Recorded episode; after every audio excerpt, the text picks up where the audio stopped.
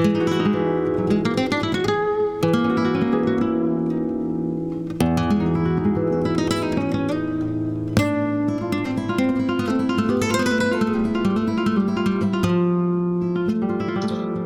mam. Hi, dochter, goedemiddag. Nou, dat is dan toch de tweede keer dat ik jou vandaag zie op Zoom, want deze podcast eh, nemen wij op op Zoom. Kan je trouwens eh, zelf ook naar luisteren of naar kijken. luisteren kan sowieso. Um, via YouTube volgens mij, Nieke? Nog altijd via YouTube, ja. Kijk. Nou, goedemiddag luisteraar, goedemiddag dochter. Je bent net uh, lekker op reis geweest, daarom dat we één week uh, overgeslagen hebben met het uh, opnemen van onze podcast. Dus de, de oplettende luisteraar heeft dat, heeft dat geheid gemerkt. Waar ben je geweest?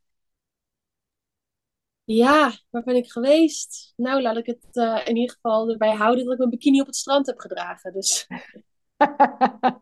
ja, en hier is het aan het vriezen en ligt de sneeuw. Wat natuurlijk ook weer een hele, ja, ook iets bijzonders is dat we dat in Nederland uh, toch weer uh, hebben. Dat je dan lekker door de sneeuw kunt banjeren. Dus uh, nou ja, welkom iedereen, welkom luisteraar voor weer een nieuw onderwerp van onze ja, fijne podcast. Ja, en moet zeggen, het is wel erg koud hier. Je zegt lekker leuk door de sneeuw banjeren. En, maar dat hebben we hier in Amsterdam niet. Ik neem het natuurlijk op vanuit Amsterdam, Amsterdam-Noord, waar ik woon.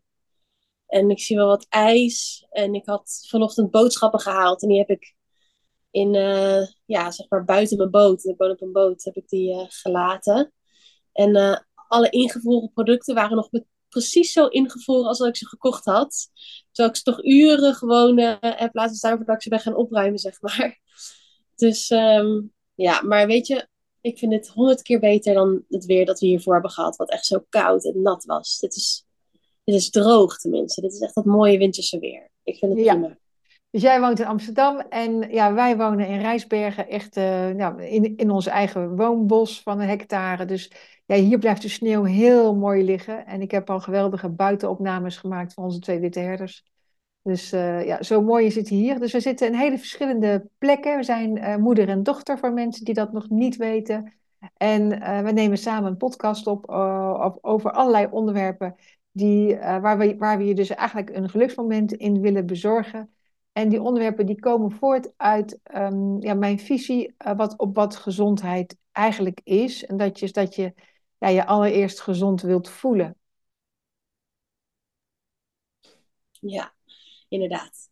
Um, ja, en eigenlijk komen ze zelfs voort uit onze hele brainstorm en jouw hele visie en methode over hoe je van chronische klachten kan genezen. En daarom hebben we het ook het geluksmoment genoemd, want ja, het belangrijkste is nog wel dat we eigenlijk ontdekken waar we beter kunnen ontspannen. En um, geluk en ontspannen, nou, dat ligt heel erg nauw verbonden aan elkaar. En weet je, je weet half niet hoeveel je wel niet aan het ontspannen bent gedurende de dag. En het is zo lastig om dat door te hebben. En um, daarom dat we deze podcast maken, eigenlijk elke week weer of elke twee weken over een onderwerp waarin we ons allemaal eigenlijk wat stress bezorgen zonder dat we dat altijd doorhebben. Dus daarom is het zo leuk om deze podcast te maken en waarschijnlijk ook te luisteren. Omdat je dan weer denkt van, oh ja, verrek, dat uh, doe ik inderdaad ook. Of, oh ja, dat is inderdaad niet zo heel erg fijn. Ja, ik had vandaag nog uh, een compliment uh, wat dat betreft. Want ik was een gratis kennismaking met iemand die onze vorige podcast geluisterd had. Waarin we jullie opgeroepen hebben om als je een gevoelsdoel wilt uh, vaststellen voor 2024 dat je dan uh, gratis kennismaking mag boeken. En ik ken deze cliënt helemaal niet, of deze mevrouw helemaal niet, was natuurlijk helemaal geen cliënt, maar deze mevrouw niet. Um, ik wilde haar incognito houden, vandaar dat ik dat uh, even zo gebruikte. Maar um, ja, het was heel tof dat ze, om te horen dat ze eigenlijk bij die gratis kennismaking kwam, juist omdat ze onze podcast luistert. Dus schroom niet en, en bel me en plan die afspraken in. Het was heel leuk om haar eh, complimenten over onze podcast te horen. Zoals we natuurlijk vaker te horen krijgen, maar nu was het van een wildvreemde. Dus het is ook gewoon heel erg leuk om uh, te horen dat uh, moeder en dochter en inderdaad de, de, de, de, diepgang van onze onderwerpen en ook elke keer weer de praktische vertaling ervan, ja, dat is natuurlijk best uniek. Waar gaan we het vandaag over hebben? Ja, zeg het maar. Want we hebben het er al een beetje over gehad, omdat we vanochtend even wat gekletst hadden aan de telefoon. En normaal gesproken leg ik altijd een onderwerp uit. Maar ik moet zeggen dat ik er nu nog niet echt een aanvliegroute voor weet. Terwijl ik wel goed weet waar we het over gaan hebben. Ik dacht, misschien heb jij wel wat leuke magische zinnen waarmee we dit onderwerp kunnen inluiden. Oh, ik vind dit zo flauw. Het is alleen maar wat een dochter naar de moeder kan, uh, kan doen. Gewoon de bal even terugkaatsen. Want normaal leg jij die uit. En je had er straks aan de telefoon mij beloofd dat jij hem uit zou leggen vandaag. Dus nou moet ik op opeens aan, aansturen.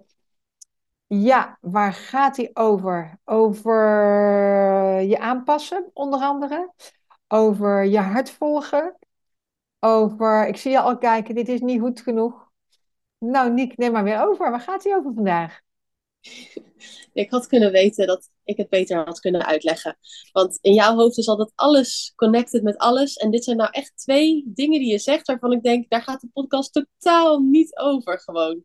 Terwijl, misschien gaan alle onderwerpen wel. Weet je wel, het is veel te abstract en algemeen. En ik snap je, maar nee, we gaan het over iets heel praktisch hebben. Waar we allemaal wel mee te maken krijgen.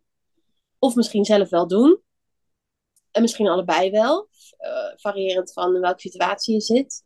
En dat is namelijk het fenomeen dat als je iemand leuk vindt, of je houdt van iemand, of je geeft erg om iemand een vriendschap of een relatie of familie, dat je dan geneigd kan zijn om bovenop te springen. Gewoon niet letterlijk, misschien ook letterlijk, maar dat je geneigd kan zijn om uh, ja, um, heel veel van diegene te willen, constant in contact te staan um, er echt bovenop te zitten in figuurlijke zin. En ik heb het wel eens meegemaakt, besef ik me nu pas eigenlijk. Um, vanaf de andere kant dan, vaak met vriendschappen.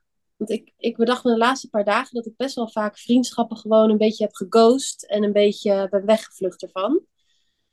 En nu besef ik me dat dat was omdat dat waren dan allemaal mensen die uh, echt een beetje aan me gingen hangen en bepaalde verwachtingen hadden. En zo vaak wilden afspreken, constant contact wilden, echt iets van je wilden. En nu pas besef ik dat dat ook is waar deze podcast over gaat. En ik heb dat zelf bijvoorbeeld al heel gauw bij een relatie altijd gehad. Als ik net iemand nieuw leuk vond, dan, dan dacht ik van ja, maar als ik er niet constant bovenop zit, waar bestaat die relatie dan nog uit? En verwatert het dan niet? En dus dat je eigenlijk constant denkt van, oh, wat ben je nu aan het doen? En uh, wanneer zullen we weer afspreken? En um, ja, dat.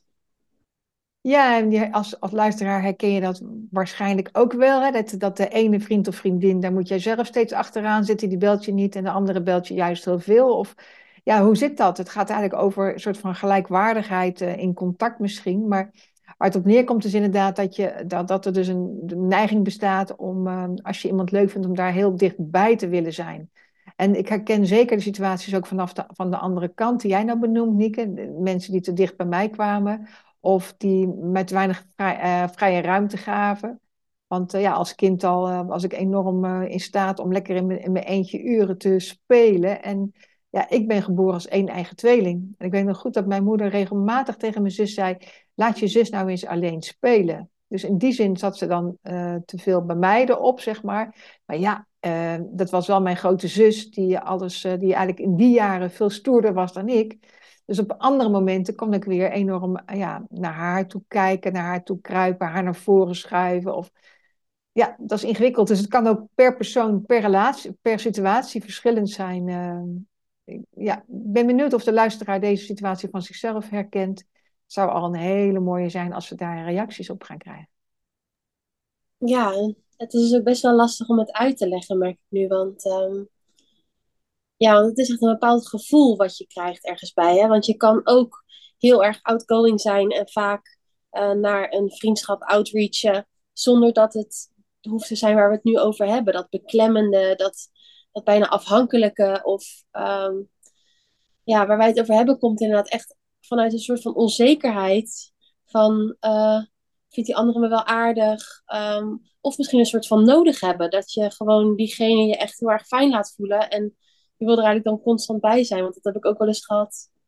Ja, bij vriendschappen dan. Die, die dan eigenlijk elke dag met mij wilden chillen. En ja, dat was meer een soort van bijna nodig hebben of zo. Omdat, ja, ik weet niet zo goed. Dus het is echt iets wat voortkomt uit iets... Uh, uit onzekerheid. Want bijvoorbeeld naar sommige vriendschappen ben ik ook heel erg vaak heel ja, loyaal. Ik weet niet. Die app ik heel vaak. Of, maar dat komt puur vanuit ontspanning, omdat ik gewoon vaak aan diegene denk. Dus dat is dan weer wat anders. Ja, en toch is het nog moeilijker dan wat jij nu stelt, vind ik. Want, ehm, dus ik zou, hem graag weer wat groter willen trekken. Je kent mijn neiging daartoe. Uh, want ja, nu heb jij het erover ja, dat je eigenlijk uit onzekerheid dichter bij die anderen wil zitten. Maar de vraag is of je je eigen onzekerheid in die zin uh, herkent. Hè? Dus wil, ik wil gewoon graag met die ander samen zijn. Hè? Dus, en daar hebben we het natuurlijk over relaties die in symbiose zijn. En, en uh, ja, symbiose vind, daar heb ik wel een idee over. Hè? Dus symbiose kan heel fijn zijn. Aan de andere kant, ja, je eigen regie is in de gezondheid in het algemeen. Dus in, um, ja, ik wil bijna zeggen, in mens zijn ook wel heel erg belangrijk om juist gezondheid te creëren. Um, dan komen we ook meer bij type mensen uit die bij mij sessies volgen. Zijn toch uh, vaak gevoelige mensen. En als je al een gevoelig mens bent en je zit in symbiose, is het heel makkelijk om over je eigen gevoeligheid heen te stappen. Maar nogmaals, dat hoeft dus niet vanuit onzekerheid. Het kan ook zijn dat je het gewoon heel prettig vindt om met die ander samen te zijn. En in die zin kan ik nog wel een heel mooi recent voorbeeldje geven uh, uit eigen werk. Hè? Dus uh, want ja, ik heb natuurlijk wel een bijzondere uh, man als relatiepartner getroffen, omdat mijn man een enigst kind is. En ik ben geboren als één eigen tweeling. Dus ik ben echt gewend van jongs af aan om heel erg dicht op elkaar, met elkaar te zitten. En dat vind ik ook normaal. Hè? Dus wat vind je normaal? Speelt hier wel een rol in.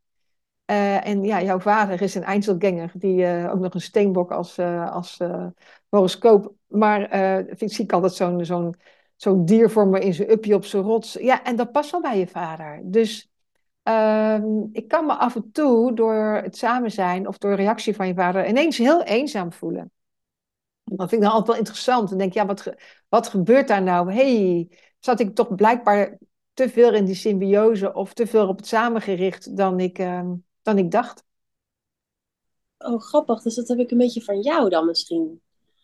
Want het is ik kan me inderdaad ook heel snel door mijn vriend dan afgewezen voelen als hij even alleen wil zijn. Want het is ook zo'n heerlijk iemand die heel veel alleen wil zijn. En ik ben zo eigenlijk ook, want ja, ik heb niet heel veel vriendschappen en ik zie ze ook heel weinig. Want ja, ik vind alleen zijn toch altijd wel leuker. Ook al vind ik het ook heel leuk om hen te zien. Maar toch vind ik het heel moeilijk als hij dan die ruimte wilt nemen. Omdat, ja, dan voel ik me inderdaad meteen uh, ja, afgewezen of zo. Dus dus dan kom je toch op het spoor dat het wel iets met veiligheid ook te maken heeft. Dat je dus bovenop die ander zit. Dus dan kom je toch ook op het spoor dat het vanuit een bepaald soort onzekerheid komt. Of in ieder geval veiligheid die je dan opzoekt. Van het is veilig om heel dicht op die ander te zitten. Want dan ben je sowieso in contact en je bent bij diegene. En maar besef wel dat dat onbewust is. Dus dan, dan komen we weer op ons lievelingsstokpaardje uit. En dat is natuurlijk het uh, primaire brein. En dat nou net het, het ingewikkelde van je patronen herkennen en herkennen dat ze van je primaire brein afkomen. Want ja, uh, je kunt ook gewoon zeggen, ja, maar het is toch gewoon fijn om met die ander samen te zijn. Ja, dat is ook fijn en daar mag je ook zeker van genieten. En tegelijkertijd is het wel interessant op het moment dat je opeens merkt dat je je eenzaam voelt bijvoorbeeld, of dat je je afgewezen voelt van, hé, hey, hey, eh, ik heb leren inzien, want ik ben natuurlijk 26 jaar met je vader getrouwd nu. Ik heb leren inzien dat uh, me eenzaam voelen, dat dat dan tien jaar geleden zou ik nog verwijtend geweest zijn. Van hé, hey, jij zorgt dat ik me uh, eenzaam voel. Of dat misschien nog wel langer geleden. Maar uh, ja, het laatste jaren ben ik het echt als een geschenk gaan zien. Hé, hey, jij me, laat me even zien dat ik weer beter op mezelf kan gaan staan. Of dat het tijd is dat ik op mezelf ga staan. Of dat ik lekker bij mezelf ben. Of nou ja, zit er, ik zie nu die, die, die, die gevoelens van uh, eenzaamheid of, of van ja, afgewezen voelen, zou jij het kunnen noemen, hè? zie ik nu als ruimte krijgen om nog meer mezelf te kunnen zijn. En dat, maar dat heb ik echt met mijn, daar heb je je mensenbrein dan voor nodig om je primaire brein daarin te gaan helpen. Daar heb ik echt uh, ja, wel wat jaren ontwikkeling voor gehad om dat uh, te kunnen gaan inzien. Ik zou het dan heel mooi vinden als, als je als luisteraar het idee kunt krijgen, hé, hey, het zou wel eens anders gezien kunnen worden. Ja, en ik, ik weet wel dat veel mensen in mijn omgeving, veel van mijn vriendinnen dan dat ook al meteen zouden begrijpen hoor. Ik heb het er met één vriendin wel vaak over. Want die is ook uh, samen met zo'n heerlijke, autistisch wou ik bijna zeggen, met zo'n heerlijke man die gewoon zo lekker alleen wil zijn en zo helemaal obsedeerd kan raken door een bepaald onderwerp. En lekker, ja. Um, en zij is eigenlijk heel sociaal. Ze zou eigenlijk alles wel samen kunnen doen. Ehm, en dan voelt ze zich ook net afgewezen. Maar er zit bij haar ook al meteen heel veel reflectie op. Dus ja, het lijkt misschien ook wel alsof we als samenleving al steeds wat verder komen of zo. Dus ja, dat ja, weet ik niet hoor. Maar misschien uh, dat we dit soort dingen al eerder van onszelf gaan doorhebben. Naarmate de samenleving ouder wordt. Dat er al meer bewustzijn voor bestaat. Ja, nou ja, ik, ik, ik weet wel dat ik regelmatig met cliënten dit soort onderwerpen behandel. Uh, omdat um, nog niet helemaal begrepen wordt dat juist als je ruimte voelt, en dat is natuurlijk een gevoel van eenzaamheid of afwezen worden, ja, wat heb je dan? Dan krijg je eigenlijk ruimte. Dat nog ja, niet helemaal begrepen wordt dat, dat juist gevoelige mensen in ruimte meer kunnen ontplooien. Dus, en dat het heel tof is als je dat letterlijk uh, in je lichaam voelt gebeuren. Dus, uh, hè, dus, dus, het zou een heel mooi uh, idee voor huiswerk of een tip kunnen zijn. Van als je je eenzaam voelt, ga dan op, ga dan op dat moment dus even heel breed met je lichaam staan. En uh, je armen en benen wijd. En maak dus nooit een, een, een, maaiende beweging met je armen. Zodat je helemaal, ik doe het lekker even voor, een beetje voor op zoom. Want dat kan natuurlijk voor, degene, voor de luisteraars die ook kijken. Hè, dat je dus echt je, je, je, je hele lichaam even laat, laat voelen. Kijk, dit is de ruimte die je voor je hebt. En dan en dan voel je ook dat daar ook, eh, als je echt zo breed gaat staan, dan, dan, ja, dan voelt je lichaam altijd krachtig. Hè? Dus dan voel je ook dat, dat ruimte ook kracht kan opleveren. Dus dat je niet alleen het niet meer als iets negatiefs ziet, maar dat je echt de positieve vruchten gaat plukken. Ja, ja ik had het hier laatst met iemand over. En uh, dit heb ik, hier heb ik dus ook echt wel last van in mijn relatie dan. Inderdaad, last.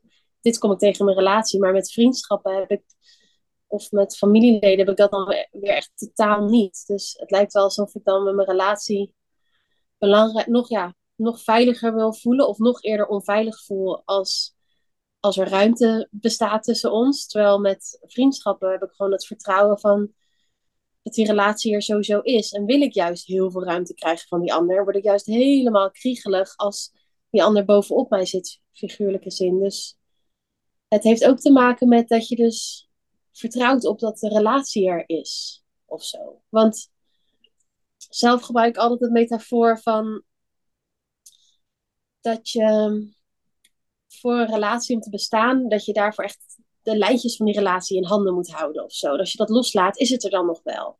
Dat is eigenlijk wat hier gebeurt. Hè? Als je een beetje bovenop iemand zit van. het kan zijn in de vorm van. Ehm, wat zou diegene willen doen? Wat zou diegene willen eten? In plaats van dat je zelf gewoon nadenkt over wat jij wil doen en dan dat gaat doen. Want wat als dat betekent dat je dan die dag iets niet samen gaat doen? Of wat als dat betekent dat je iets gaat koken wat die ander helemaal niet lust? Ja, dus het heeft allemaal te maken met de relatie die je samen hebt en dat je het spannend vindt om die in het geding te brengen eigenlijk. Ja, de relatie die je op, in, de, in, de meest fijn, in de meest fijne vorm in, in stand wil houden, heb jij het over. Hè? Ik snap wel goed dat je zegt, ja, die draadjes, uh, die, die, die, lijntjes houden, zeg maar. Maar het is natuurlijk ook zo dat een, een, een, een, een, een, een relatie, dus echt een, een liefdesrelatie, dat, dat je die veel, veel dichter naar je, naar je toe laat komen. Dus, dus daar ben je ook gevoeliger. Dus, dus juist, eh, dus, dus ik zeggen, dan ben je onveiliger. Ja, dan ben je dus ook onvoeliger. Ben je ook gevoeliger. Dus je bent daar ook. Kwetsbaar is een woord voor je, oude, voor je oude brein, voor je primaire brein, zeg maar. Dan, dan ben je in feite ook kwetsbaarder. Dus dat is ook spannender. Dus het is ook ja, misschien juist een, hele mooie oefening om uh, met je relatiepartner te doen. Van ja, als ik, als ik me eenzaam voel en afgewezen voel. Ja, en dan die oefening doen van jezelf even helemaal breed neerzetten. Maar je kunt hem ook doen in de omgekeerde situatie. Als je je beklemd voelt in relaties of vriendschappen. Of, en dat denk ik dan ook nog, beklemd voelt in wat je denkt dat je moet doen in je uh, relatie of vriendschap. Dat is ook een hele belangrijke om die, uh, om die mee te nemen. Ja, want je voelt je natuurlijk vooral beklemd als je ergens ook het idee hebt dat je er iets mee moet. Want ik had het laatst dus met iemand die ik al heel mijn leven ken. Dus dat was heel makkelijk voor mij om daar me dan niet door beklemd te voelen door ehm, haar, zeg maar, haar gedrag naar mij en naar ons naar, als groep toe. Van, ze wilde graag ervoor zorgen dat, we, dat iedereen blij was. Dat we vooral heel erg leuk hadden samen. Dat we alles samen ook deden. En waardoor ze zichzelf eigenlijk ook een beetje vergat. En wat zij eigenlijk zou willen op die dag. Maar daar voelde ik me dus niet in beklemd. Omdat, ja, ik ken haar al heel mijn leven. Dus het is een heel veilige relatie voor mij. Ik ben ook niet bang om die relatie te verliezen. Op geen enkele manier. Dus dan voelde ik me ook helemaal niet beklemd, want ik had niet het gevoel dat ik dan daar ook wat mee moest, want er heeft iemand verwachtingen van mij. Ik dacht, ja, nee, ja, dat is, ja, dat is niet mijn probleem. Het klinkt al zo lullig, maar ik bedoel, ja, ik was echt niet bang voor die relatie. Terwijl met sommige vriendschappen voel je je dus daardoor beklemd, omdat je toch ook het idee hebt van, ja, daar moet ik op antwoorden. Of, oh, diegene verwachtingen van mij. En dan is, uh, is mijn reactie altijd geweest weglopen. Want zo beklemd voelde ik me dus dat ik gewoon uh, die hele vriendschap ghostte. Terwijl als je denkt van ja, dat is echt niet mijn probleem. En dat moet diegene zelf oplossen in diegene. En ik mag gewoon ontspannen mezelf blijven en nee zeggen of een week later antwoorden. Ja, dan zou je ook niet beklemd hoeven voelen. Nee, dus vandaag hebben we inderdaad een onderwerp wat, wat twee verschillende uitkomsten kan, uh, kan opleveren. Aan de ene kant je, je, wat eens, je wat eenzaam voelen en misschien verdrietig voelen of afgewezen voelen. Aan de andere kant juist het beklemd voelen.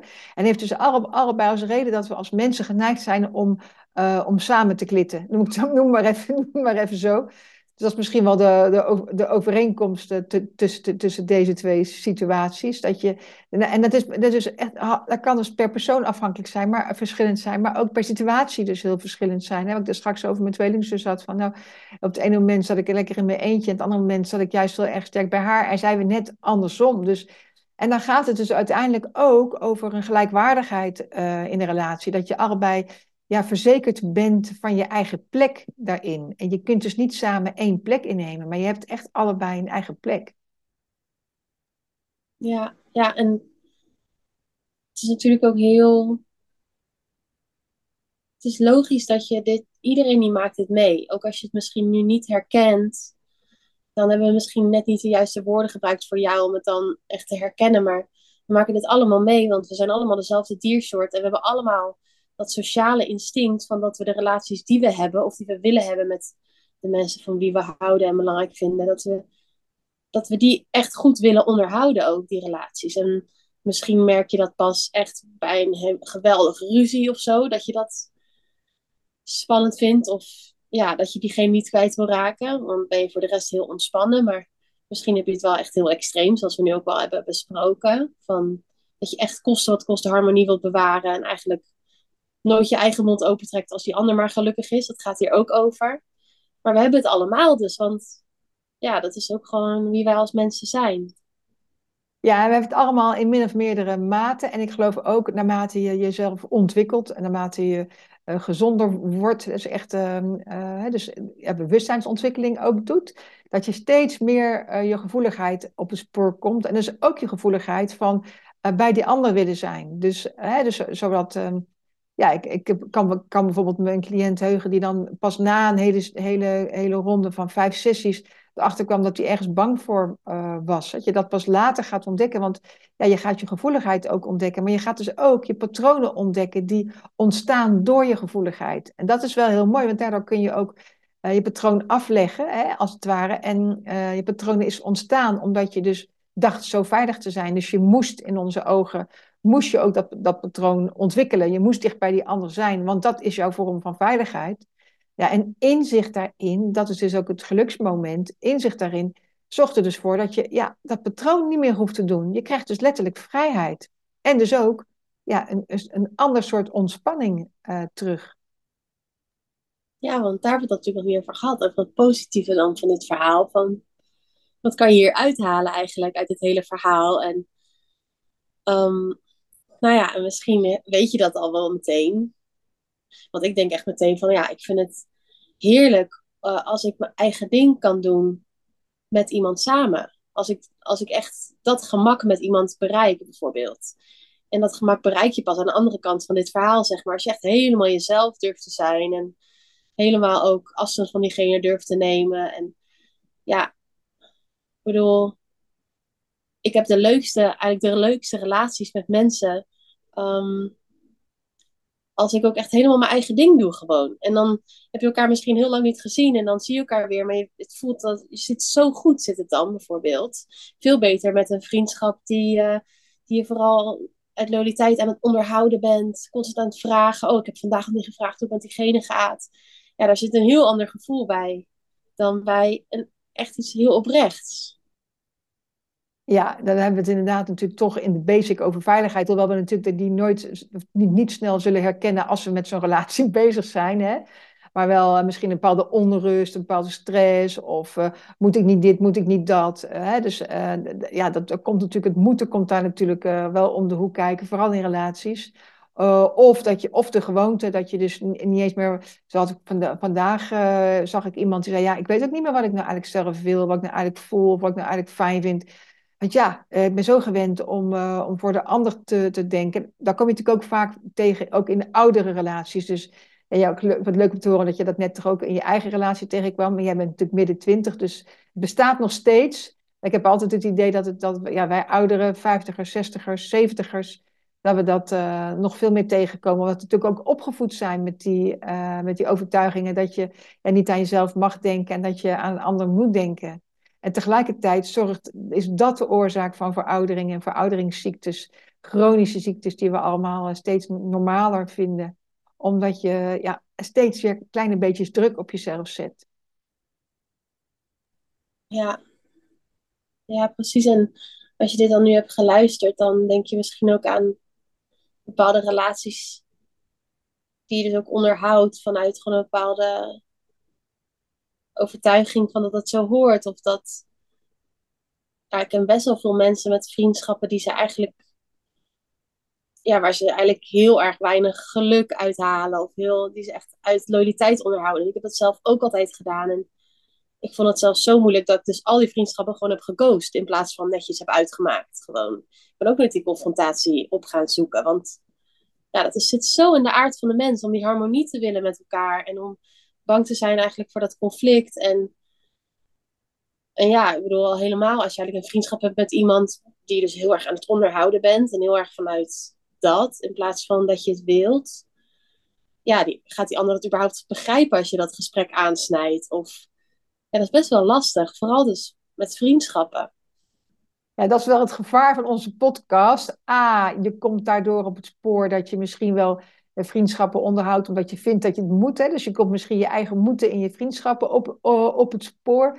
Nou, en in die jaren dat ik dat zelf ontdekte, zijn er heel wat vriendschappen gesneuveld omdat ik dus besefte, ja, ik wil niet meer moeten. Dus ja, dan blijkbaar uh, past die vriendschap niet meer bij mij. Maar ja, dan zit het moeten nog zoveel in je eigen systeem, dat je niet meer kunt voelen wat die vriendschap voor je betekent. Hè? Dus ik heb uh, recent, nou ja, dat is ook weer een jaar geleden, alweer een oude vriendschap uh, is uit de, kast, uit de kast getrokken, zeg maar. Jeetje, wat ben ik daar blij mee. Wat geeft me dat veel plezier. Terwijl ja, in die tijd dat ik zelf enorm met zelfontwikkeling bezig was en zelf ook veel angsten had, ja, leverde die vriendschap mij niet een plezier op wat het nu, wat het nu heeft. Dus nou, ik ben in ieder geval heel dankbaar. Degene die, die hier naar zou luisteren, die weet wel waar ik het over heb. Dus door je eigen moeten kun je, kun je ook het plezier weer vergeten in de relatie. En denk je misschien dat het allemaal moeten is.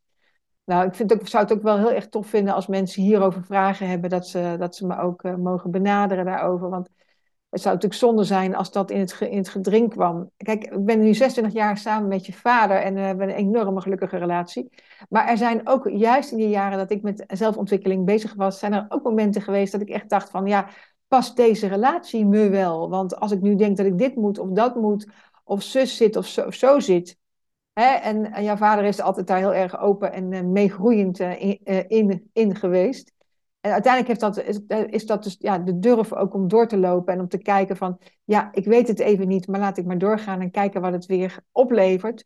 Heeft het weer voldoende vuur gebracht, zeg maar, en passie en levensplezier en levenslust. Dus soms ja, weten we het niet en als we het niet weten, dan denken we heel snel beslissingen moeten, moeten, moeten nemen. Doe dat vooral niet. Dat is gewoon een, gewoon een onderdeel van je, uh, van je ontwikkelproces. Het is wel knap hoor, dat je daar op die manier er zijn weinig mensen die daar zo ontspannen over na kunnen denken. Over de relaties die zij op het moment hebben. Past dit me nog wel? Want ja, dat is, dat is doodeng gewoon. gewoon een, het idee van dat je een vriendschap zou gaan uitmaken. Er zijn maar weinig mensen die dat durven. Die daar überhaupt zo ontspannen over na kunnen denken van... Oh, levert deze vriendschap me eigenlijk nog wel wat op? Nee? Oké. Nou, dan moet ik daar blijkbaar van af of zo. Ik bedoel, ja, dat, dat is doodeng. Dat, kunnen wij als sociale dieren helemaal niet makkelijk. Dus ja, dat is natuurlijk idealiter dat je er zo over na kan denken en kan reflecteren op de relaties waar je in zit. Maar ja, doe dat maar eens. Nou, ik denk dat daarom deze podcast wel, uh, wel heel erg mooi is om, uh, om dit balletje even op te gooien. En uh, ja, weet je als, je, als je iets kwijtraakt, komt er ook altijd weer iets terug. Hè? Dus ja, dat is, dat is toch wel een ontwikkeling waar ik in geloof en die ik steeds weer zie in, deze, in de sessies met mensen of in mijn omgeving. Ik geloof alleen nog niet dat dit onderwerp, dat de relatie tussen dit onderwerp en chronische klachten voor veel mensen duidelijk is. Ja, daar gaan we deze sessie niet al te, deze podcast niet al te veel over vertellen. We hebben natuurlijk maar uh, 30, 40 minuten. we kunnen jullie wel vertellen dat we, dat we samen mijn tweede boek geschreven hebben. En dat gaat hier allemaal over. Dus ja, als je inschrijft in, onze, in, de, in de nieuws van, van de praktijk, dan word je daarvan op de hoogte gehouden. En het concept ja, is net gelezen door de eerste lezers. We zijn nu de eerste kritieken aan het verwerken. En in ieder geval is er heel positief op gereageerd uh, door de lezers die we nu uh, gehad hebben. Dus de, ergens dit jaar zal het boek ook op de plank ja, verschijnen. Ja, leuk. Heel erg veel zin in. Het voelt alsof we dan echt een soort van groot geheim de deur uit gaan doen, wat dan iedereen kan gaan lezen. Alles komt daarin samen en al onze podcast ook. En je gaat alle lijntjes leggen en dingen begrijpen over je eigen brein en je connectie met je lichaam. En ja, ik kijk er wel echt heel erg naar uit dat we daar helemaal open over kunnen zijn als het boek er helemaal is. Maar nu blijft het natuurlijk nog een klein beetje geheimzinnig. Ja, ja magisch kun je het ook noemen. Hè? ik geloof heel erg in magie, maar magie is alleen nog maar onontdekte wetenschap. Want ik geloof echt dat het uh, denken en het voelen bij elkaar uh, terecht mag komen. En nou, wij hopen in ieder geval dat, je, dat we je vandaag weer een stapje verder hebben geholpen in de, in de, in de kijken naar je relaties die je hebt uh, om je heen. En nou ja, dat het dus blijkbaar ook gewoon spannend is. En dat we vanuit die spanning ja, maar zo dicht mogelijk bij die ander willen zitten. En soms tot ergernis van die ander aan toe. Um, ik kan nog wel als slot misschien nog zeggen dat het voor je levenslust en je levensplezier echt belangrijk is om die leegte elke keer weer op te zoeken. Ja, de leegte van dus even geen ruis, afspraken, mensen. Ja, ja, voor sommigen is dat makkelijker dan voor anderen. Ja, als je midden in het bos woont zoals ik, is dat wat makkelijker natuurlijk. Hè, maar uh, gewoon af en, toe, af en toe bewust je ramen openzetten, even naar buiten kijken, even kijken naar de natuur om je heen. Um, nou, ga eens kijken waar je, misschien een heel leuk huiswerk, waar je overal ruimte ziet. Je ziet overal ruimte. Ik zat net met, een, uh, met iemand samen die oefening te doen uh, hier in de praktijk. En toen keek ik naar een stoel, dacht ik, ja, er zit ruimte onder die stoel. Misschien is er ook wel ruimte op die stoel, want nu zit er niemand. Dus ga eens naar de ruimte kijken, gewoon om je heen. Dat je steeds meer kunt gaan voelen dat er overal de ruimte is uh, om jezelf te zijn, tot in je haarwortels aan toe. Nou, dat ga ik doen, want ik ben nu sinds twee weken weer voor het eerst alleen na de vakantie met mijn vriend. Dus dat is toch ook wel echt alweer een feestje in mijn eigen ruimte alleen zijn. Heel erg bedankt voor het luisteren iedereen. Um, ik denk dat er genoeg reacties op zullen komen. Die kun je geven uh, op onze Instagram. Het laagstreepje geluksmoment. Of natuurlijk als je het op YouTube kijkt, gewoon in de comments, Lanke Natuurgeneeskunde. Of zelfs op Spotify zelf, volgens mij nu. Volgens mij zijn we zo hip dat we zelfs op Spotify zelf een soort van Q&A aan het einde hebben. Nou, we lezen het allemaal. Als dit allemaal niks voor je is, kun je zelfs nog mailen naar centrum.lanke.nl. En dan uh, ja, hoor je ons weer over twee weken met een nieuw onderwerp. Ja, nou ja, mochten jullie, mochten jullie als, als luisteraar vragen hebben of wensen hebben, Laat het ons ook horen. We hebben, horen dat regelmatig en dat is echt heel leuk om zo eens uh, ja, uit de community te horen van uh, wat de onderwerpen zijn die leven, waar ze graag antwoorden op willen hebben. Oh, zo verzin ik het ik trouwens wel eentje. Hebben wij ooit al wel eens een podcast over slapen gemaakt? Vast wel, maar het springt me nou niet helemaal te binnen wat het dan was. Dus dan is het vast handig om er nog een te maken. Ja, misschien dat dat een van de nieuwe podcasts wordt over slapen stay tuned, zou ik zeggen. Blijf luisteren. En uh, dankjewel voor het luisteren. En uh, dochter, dankjewel. Jij ook. Dikke knuffel van mij. Voor het weer uitspitten van, uh, van dit onderwerp. Doei doei. Doei.